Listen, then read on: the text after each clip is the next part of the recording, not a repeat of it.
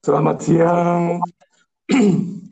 Assalamualaikum Bapak Abdul Manan, apa kabar nih? Ya, ya selamat siang Mas Dani. Ketua Aliansi Jurnalis Independen, sahabat hmm. saya sejak liputan di Aceh dulu harus sama TNI ditembak-tembakin ya Mas, latihan perang. Aduh, Mas Abdul Manan masih aktif di dunia jurnalistik. Saya sekarang uh, menjadi akademisi di kampus Mas di Universitas Dian Nusantara. Terus juga hmm. sedang menyelesaikan S3 dan saya sangat tertarik sekali dengan perkembangan pers ya, terutama dari sudut pandang akademisi ini.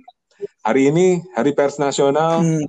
Aji, saya harapkan ada catatan-catatan penting mas terkait dengan uh, perkembangan media massa di Indonesia dan uh, yang saya sebenarnya gemes banget uh, pengen dengar dari Aji beberapa waktu sulit mau Mas Abdul terkait dengan penelitian saya juga sebenarnya um, ketika kita akan menghadapi pemilu lagi nih nanti nih 2024 ya apakah yeah. ketika peristiwa bukan peristiwa sih bagaimana media partisan itu begitu um, begitu menggoyahkan iman. Teman-teman yang berada di industri media massa ketika para pemimpinnya, ketika pemiliknya bergabung ke dalam uh, partai politik menjadi calon presiden atau wakil presiden atau menjadi pendukung suatu partai kita bisa lihat banget uh, hmm. bagaimana kebijakan itu. Bisa disampaikan mas? Banyak ya pertanyaannya jadi pertanyaan pertamanya apa berarti? uh, kalau saya ngobrol sama Mas Arief Zulkifli, ketua apa uh, anggota Dewan Pers sekarang ada tiga dia bilang nih yang menjadi catatan penting, Mas.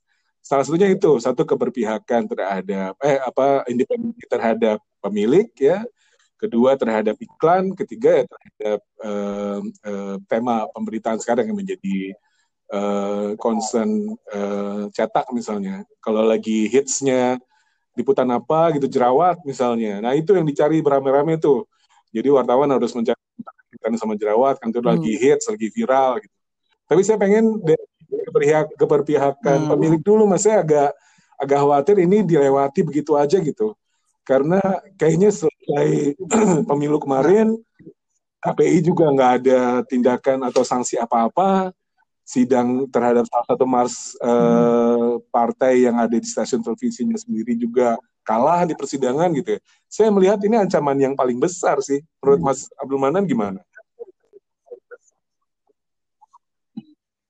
Ya, menurut saya memang apa ya, independensi newsroom ini memang menjadi salah satu ini ya, salah satu tantangan besar bagi pers Indonesia dan itu mempengaruhi citra uh, kita di depan publik ya. Kalau berkaca dari kasus pemilu misalnya 2019, memang sangat kelihatan bagaimana sejumlah media ya karena pemiliknya ada apa merupakan politisi uh, terlihat sangat dipakai untuk uh, dipakai menjadi kendaraan politik dan saya kira itu sangat mempengaruhi citra pers walaupun itu sebenarnya uh, tindakan yang dilakukan oleh tidak oleh semua media gitu dan saya kira itu sangat merisaukan karena begitu pers dipakai menjadi kendaraan politik ya itu kenapa dia tidak lagi bisa uh, tidak bisa lagi diharapkan menjalankan fungsi uh, utama pers ya terutama bagian kontrol sosial karena ketika dia menjadi kendaraan ya dia apa dia cenderung hanya akan menyampaikan uh, informasi-informasi uh, yang menyenangkan bagi pemilik kendaraan kan. Ya. Um, Dipakai kendaraan. Ini politik. juga betul. Oh, ya, ya, ya otomatis dia hanya menyampaikan informasi yang membuat pemerintah senang dan tidak memuat informasi yang membuat pemerintah tidak senang. yang dengan begitu uh, dia akan menghindari topik-topik yang mungkin membuat pemerintah tidak senang walaupun itu adalah kenyataan ya atau itu kan berarti dia apa buk apa ya menseleksi informasi hanya memilih ya, yang membuat uh, pemerintah senang saja. Yang akhirnya padahal kita tahu bahwa kenyataan sering kali memang menunjukkan uh, apa ya faktanya memang apa sering kali mem, apa apa ya tidak baik bagi pemerintah karena membuat pemerintah tidak senang. Kebijakan yang buruk uh, regulasi yang misalnya ter, tidak berpihak kepada rakyat. Nah, itu kan fakta yang uh, sudah apa, pasti tidak akan membuat pemerintah senang. Dan saya kira itu tugas pers menyampaikan kebenaran itu. Dan ya kita tahu bahwa kebenaran sering kali uh, pahit ya. Dan apakah itu terjadi? Di, di, di, Mas Abdul Manan. ya apakah peristiwa itu terjadi di rezim pemerintahan kali ini? Ya uh, publik saya kira bisa de dengan mudah melihat misalnya ada media yang uh, menjalankan fungsi seperti itu.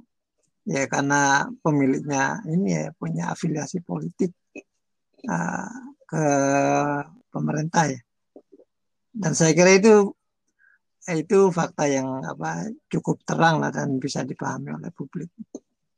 Baik, Mas Manan. Kalau tahun 2014 eh, kami waktu itu di salah satu stasiun televisi swasta di Indonesia ketika pimpinan ikut menjadi salah satu calon wakil presiden, kemudian newsroom benar-benar berubah.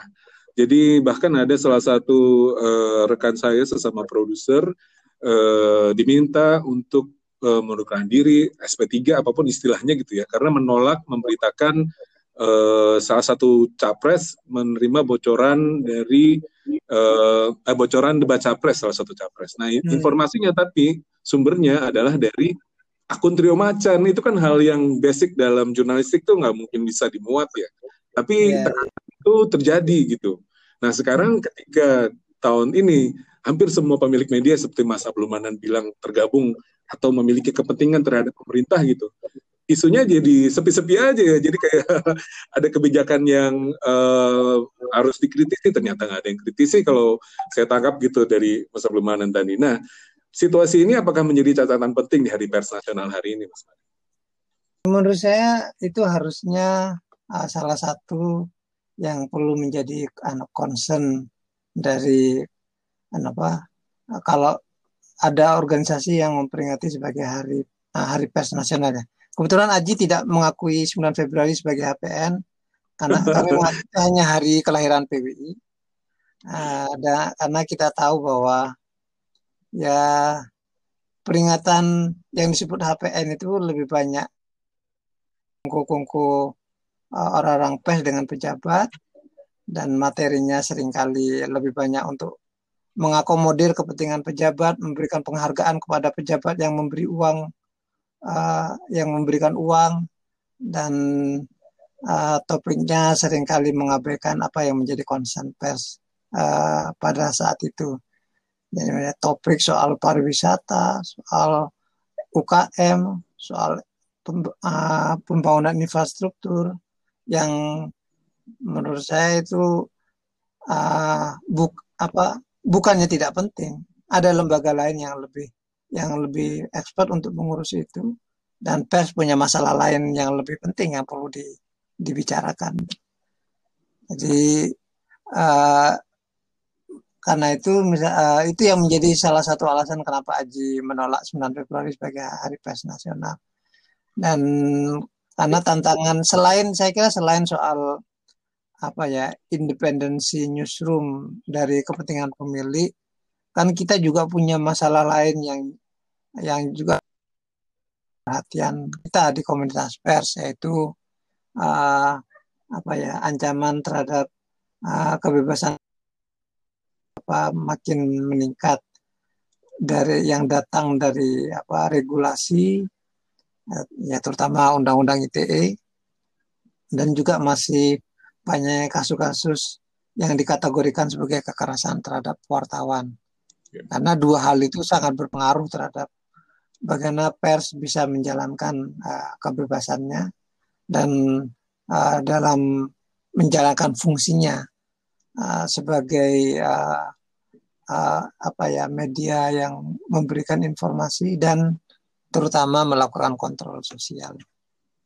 Iya, uh, terkait dengan ancaman uh, secara fisik bagi wartawan uh, di Indonesia, terutama di daerah ya, yang catatannya cukup banyak. Selain juga undang-undang yang masih uh, menjadi halangan ya, tidak bersahabat lah istilahnya regulasi itu selain yeah. undang-undang ITE, mungkin ada juga uh, apa RKUHP ya. Jadi oh, uh, iya, jadi uh, ada uh, kaitan dengan bagaimana uh, uh, omnibus law ini uh, bisa membuat uh, kinerja uh, organisasi jurnalis atau jurnalis itu sendiri uh, kesulitan. Catatan yang uh, terkait dengan hal itu bagaimana, Mas? Soalnya indeks internasional kebebasan pers kita, saya nggak tahu nih, Reporters Without Borders ini uh, melakukan uh, risetnya kayak apa ya. Tapi Indonesia jauh banget posisinya. 114 ya, itu tahun lalu ya, tahun ini eh tahun lalu naik jadi 119. Hmm. Jadi 104. Nah, pandangan Mas Abdul Manan gimana? Uh, menurut saya apa ya ancaman uh, dari regulasi uh, dan juga ancaman berupa kekerasan baik fisik dan non fisik terhadap wartawan itu kan memang masih tinggi ya. Dan saya kira itu yang berkontribusi bagi uh, anjloknya uh, masih uh, rendahnya posisi kita di RSF karena uh, karena RSF itu kan yang dinilai kan tiga kan. Tiga aspek. Aspek legal aspek politik. Aspek politik itu maksudnya anu salah satunya kekerasan dan aspek ekonomi. Maksudnya iklim yang mendukung kebebasan termasuk apa ano, uh, monopoli ya. Dan menurut saya ancaman dari regulasi itu kan memang kita masih uh, tinggi gitu loh.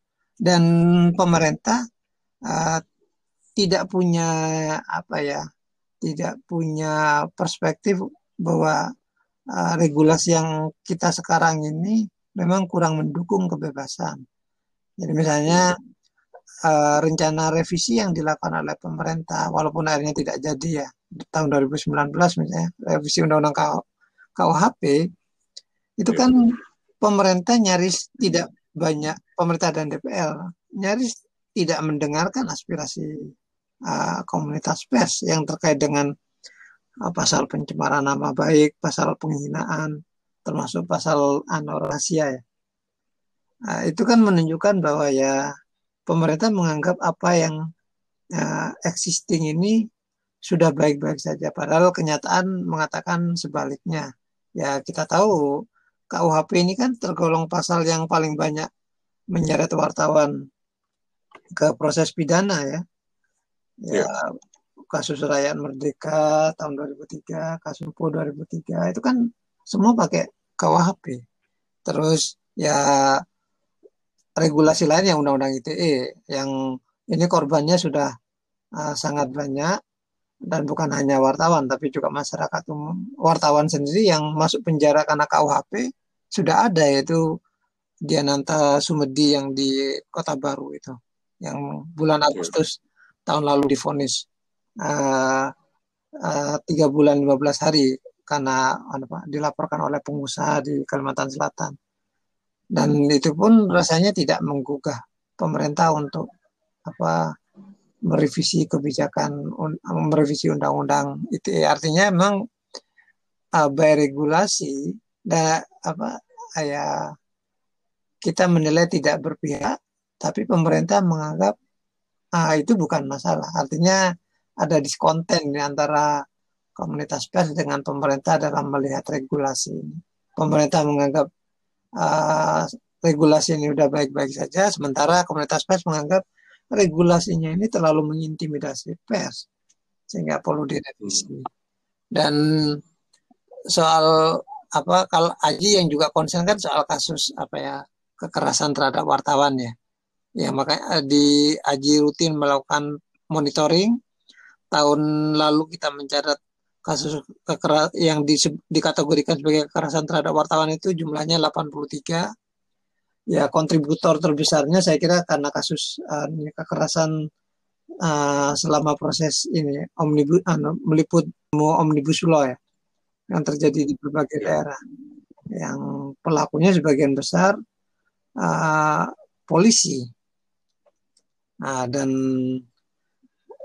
ini sebenarnya apa melanjutkan apa yang terjadi tahun 2019 uh, ketika polisi juga banyak menjadi pelaku kekerasan terhadap wartawan, terutama dalam peristiwa uh, ketika meliput demonstrasi bulan Mei di depan ada di depan Bawaslu itu yang menolak uh, hasil pemilihan presiden, yang kedua waktu menolak revisi undang-undang KPK ya di Senayan, walaupun demonya terjadi di berbagai daerah. Banyak, pelakunya sebagian besar adalah polisi dan uh, proses hukum di polisi sangat lambat. Uh, ada laporan ke polisi di Makassar sampai sekarang progresnya tidak jelas.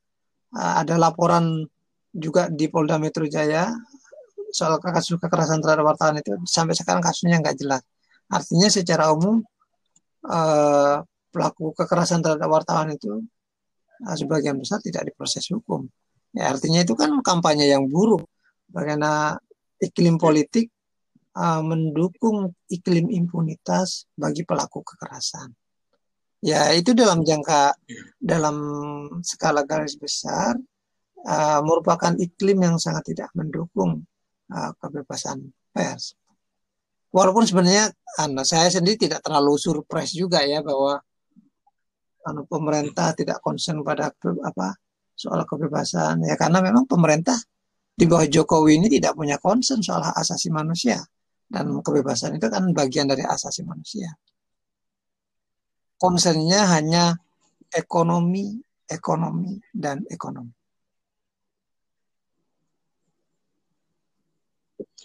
Baik. Um, ada lembaga pers seperti Dewan Pers, kemudian ada juga yang um, menyoroti atau mengawasi lembaga penyiaran uh, pemberitaan dari stasiun televisi terutama.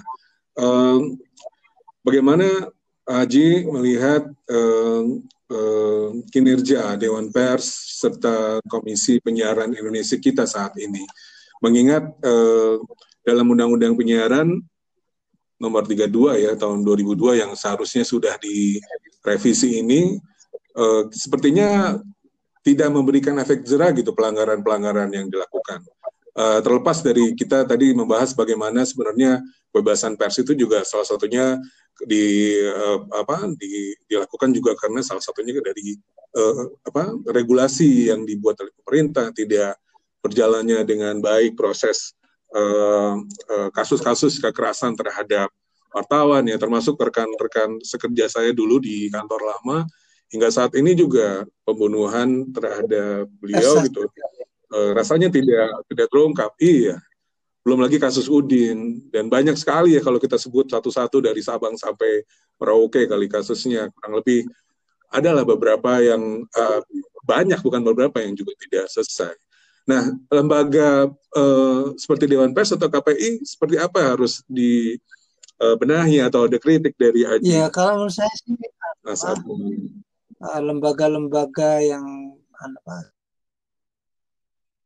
dan Dewan Pers ini apa ya? Uh, menurut saya memang perannya lebih banyak apa uh, terutama karena apa ya karena jerat birokrasi juga ya dan misalnya hmm. KPI menurut saya uh, posisinya lemah di depan industri terutama karena tidak punya kewenangan memberikan izin kan dia hanya diberi kewenangan memberikan rekomendasi dan yeah. itu kan akibat dari apa veto oleh pemerintah ketika mengajukan uh, judicial review soal kewenangan memberi izin itu yang akhirnya MK memutuskan yang memberi izin adalah pemerintah.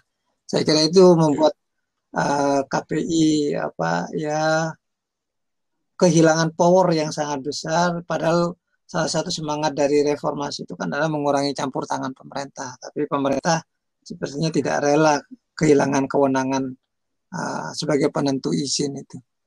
Dan saya kira itu yang membuat KPI ini agak mandul di depan industri dan nah, kalau lembaga... memberikan sanksi aja saya anu apa lebih banyak tidak beraninya KPI. Memberi sanksi lebih banyak soal hiburan ya misalnya. Apakah KPI pernah memberikan sanksi liputan yang terkait dengan politik? Rasanya sih kok enggak ya.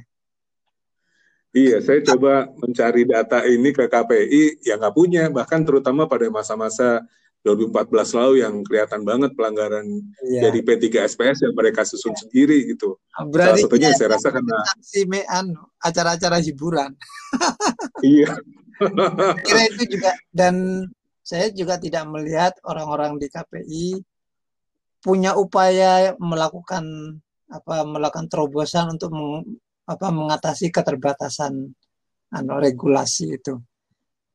Dan yeah. yang jadi ya akhirnya jadi kayak macan ompong beneran. Ya rekomendasi fungsi rekomendasi ya kan suka-suka pemerintah mau didengerin atau tidak itu. Nah, saya kira ini. Dan apalagi uh, karena tidak berani keluar dari kungkungan itu dan ditambah lagi oleh kurangnya sikap progresif itu akhirnya lebih banyak KPI seperti menjadi anak manis bagi pemerintah ya. Dan yeah. kalau soal Dewan Pers, uh, kalau Aji sih Aji kan konstituen Dewan Pers dan salah satu apa kritik yang sering kami sampaikan itu adalah uh, Dewan Pers apa ya menafsirkan soal perannya itu sempit pada soal isu etik. Makanya itu yang sering disebut sebagai Dewan Pers ini lebih menempatkan dirinya sebagai rezim etik. Padahal kewenangan yang diberikan oleh Dewan Pers, oleh undang-undang, itu kan melindungi kebebasan pers. Nah, kalau kita bicara melindungi kebebasan pers, kan tidak bisa hanya bicara soal aspek etik, tapi juga aspek-aspek yang lain yang harusnya menjadi perhatian. Dan ini yang menyebabkan apa ya uh, Dewan Pers lebih banyak berkutat pada misalnya uh, penanganan kasus. Walaupun saya tahu itu penting, penanganan kasus sengketa oleh publik ya. Terus verifikasi perusahaan media, meningkat uh, melakukan apa meningkatkan kompetensi wartawan termasuk membuat standarisasi dengan bikin uji kompetensi wartawan. Tapi peran Dewan Pers di isu kebebasan pers dalam soal advokasi, regulasi, advokasi kasus kekerasan itu sangat-sangat minim. Dan orang-orang Dewan Pers kalau ditanya soal itu cenderung menggunakan alibi kami ini rezimnya rezim etik. Ya, saya itu agak ya mungkin apa ya uh, ingin cari mudahnya saja. Ya, padahal hanya menjalankan sedikit, hanya menjalankan sebagian saja dari mandat yang dimilikinya. Ya, walaupun kita tahu juga, anu Pak Dewan Pers juga ada keterbatasan uh, yang sangat besar ya untuk bisa berfungsi maksimal seperti halnya KPI ya. Dewan Pers anggotanya uh, tidak digaji ya agak semi voluntary ya tidak dengan KPI yang digaji cukup baik. Ya karena itu dia juga tidak apa ya tidak bisa berakrobat cukup besar untuk mengelola anggarannya dan staf karena ya stafnya kan semua staf Dewan Pers kan orang-orang PNS Kominfo ya dan saya kira itu juga pengaruh terhadap uh, kinerja Dewan Pers. Makanya bahkan dalam melakukan fungsi-fungsi dasarnya sendiri, Dewan Pers sendiri kan mengakui tidak maksimal. Verifikasi perusahaan pers uh, yang jumlahnya cukup banyak, itu kan juga terseok-seok juga Dewan Pers karena keterbatasan anggaran dan personel kan. Jadi saya kira banyak hal yang masih perlu diperbaiki oleh uh, Dewan Pers ini. Iya, kritik buat Dewan Pers walaupun sudah melakukan reformasi katanya KPI juga uh, yang uh, banyak sekali kritik ya yang terkait dengan uh, apa yang harus mereka uh, fokus gitu. Bukan cuma ke uh, baju renangnya uh, Nobita atau Doraemon gitu ya tapi banyak hal penting nah, yang hal, harusnya menjadi sorotan. ya, hal lain yang lebih penting yang diurusi oleh KPI dan juga Dewan Pers yang apa yang bisa dilakukan. Ya, jadi ke depan uh, memang Aji tidak mengakui ya hari ini hari pers nasional. Saya juga uh, menyela apa ya menggunakan momentum ini aja gitu. Iya. Kan kadang-kadang kita di media gitu ya ada momentum ini nih. Ya udah kita omongin sekarang nih sambil juga kita uh, refleksi apa dong yang harus dilakukan. Situasinya kayak gini nih aturannya dari sisi uh, regulasi kita seperti uh, ya maju mundur serba salah nih. Semalam saya nonton uh, ada data dari Kompas uh, demokrasi kita itu turun juga peringkat. Apakah ini salah satu penyebabnya juga? Kan media massa pers adalah the fourth pillar. Ya kalau fourth pillarnya rapuh kayak gini, apa yang menjadi masukan buat Aji nih? Langkah konkretnya apa dong kalau gitu? Ya memang menurut saya kita tidak mungkin apa memperbaiki indeks kebebasan pers ini tanpa memperbaiki kualitas demokrasi sih. Karena ya kebebasan pers ini kan anu apa apa ranting dari demokrasi. Karena kalau kita mau menggunakan apa alur berpikir ini ya yang logis ya. Kebebasan pers itu kan bagian dari kebebasan berekspresi. Ya kebebasan berekspresi itu bagian ibarat kalau pohon dia itu dahan dari demokrasi. Jadi bagaimana membayangkan rantingnya bagus kalau pohonnya hmm. anu apa tidak bagus gitu. Bagaimana mengharapkan yeah. kebebasan pers baik pada saat demokrasi buruk? Impossible. Tidak mungkin gitu. Hmm karena kita tidak mungkin bisa memperbaiki hanya kebebasan pers tanpa memperbaiki demokrasi. Dan saya kira konsensus umum sekarang mengatakan bahwa demokrasi kita kan uh, apa mengalami kemunduran luar biasa kan. Uh, terburuk yeah. setelah reformasi. Jadi uh, dengan demokrasi yang memburuk otomatis uh, kebebasan pers itu pasti akan mengalami nasib yang sama. Gitu. Saya kira ini anu, negara-negara lain juga menunjukkan hal yang seperti itu. Kita akan pasti mengatakan bohong ada kebebasan pers di Rusia karena negaranya tidak demokratis. Tapi misalnya hmm. bisa juga kita mengatakan apa eh, kebebasan pers itu anu, apa mengalami kemunduran di negara yang demokratis seperti Amerika misalnya kebebasan pers di bawah hmm. Trump itu kan mengalami kemunduran luar biasa kan. Bukan karena Amerika tidak iya. demokrasi, yeah. tapi karena demokrasinya sedang buruk. Saya kira persis itulah yang dialami oleh Indonesia di bawah Jokowi. Hmm. Kemal mengalami kemunduran, terutama menurut saya penyebabnya karena ya Presiden Jokowi si soal dan visi soal hak asasi manusia dan itu ditunjukkan dengan sangat Jokowi dua di bulan Oktober di depan MPR menyampaikan visinya lima tahun ke depan. Visinya semua tentang pembangunan, pertumbuhan, tentang ekonomi, infrastruktur, dan tidak ada satupun bicara soal hak asasi manusia dan kebebasan. Jadi bagaimana kita mengharapkan ada kebebasan atau demokrasi yang lebih baik dengan visi seperti itu. Baik, luar biasa Mas Abdul Manan. Terima kasih sudah bergabung di podcast Suara Nusantara. Semoga masih bisa ngobrol lagi ke depan ya Mas. Saya mau ngorek-ngorek yang lebih sensitif lagi nih isunya. Semoga nanti jam 2 juga bisa ikut bergabung ya. Iya, aku jam 2 ada acara Saya sengaja di anu apa di luar makanya aku mau ya? cabut ini. Iya, hari, hari ini padat semua. Semoga sempatlah di sesi tanya jawab. Jadi jangan saya yang nanya, langsung Ah. Aji. Oh iya, nanya ke orang KPI ya. Sama orang-orang dewan. Nah, ada KPI, ada Dewan Pers. Nanti aku Pokoknya ini sasaran tebak semua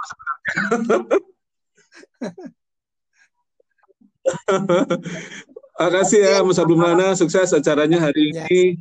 Nanti kalau boleh kita ngobrol-ngobrol lagi, eh, banyak sekali yang ingin kita bahas ya. Semoga juga perkembangan pers di Indonesia semakin baik. Kita tahu begitu banyak persoalan, tapi sebaiknya dan eh, dari masukan dari eh, Aji, dari Mas Abdul Manan, serta rekan-rekan sekalian yang eh, sangat memikirkan eh, mengenai kebebasan pers, mengenai perkembangan media massa Indonesia bisa terwujud ya di masa-masa yang akan apa? datang. menurut saya Ya. kalau Aji menyampaikan gambaran yang terkesan anu, Bu, yang terkesan op- eh, pesimistis karena mengilustrasikan Ya. sesuatu yang buruk tentang kondisi kita, itu supaya kita tidak membohongi diri sendiri dengan mengatakan kita baik-baik saja. Karena mengakui secara jujur kondisi kita sebenarnya itu langkah awal untuk melakukan perbaikan.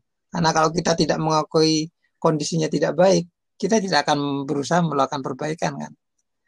Itu Betul baik, betul banget Mas. Itu saya sangat setuju. Itu yang di dalam penelitian saya juga inti utamanya untuk melakukan itu, membongkar kesadaran Iya. palsu kita. oke. Menjadi ya, thank you Mas Abdul Manan, terima kasih banyak. Oke, Sampai ketemu Mas. lagi ya.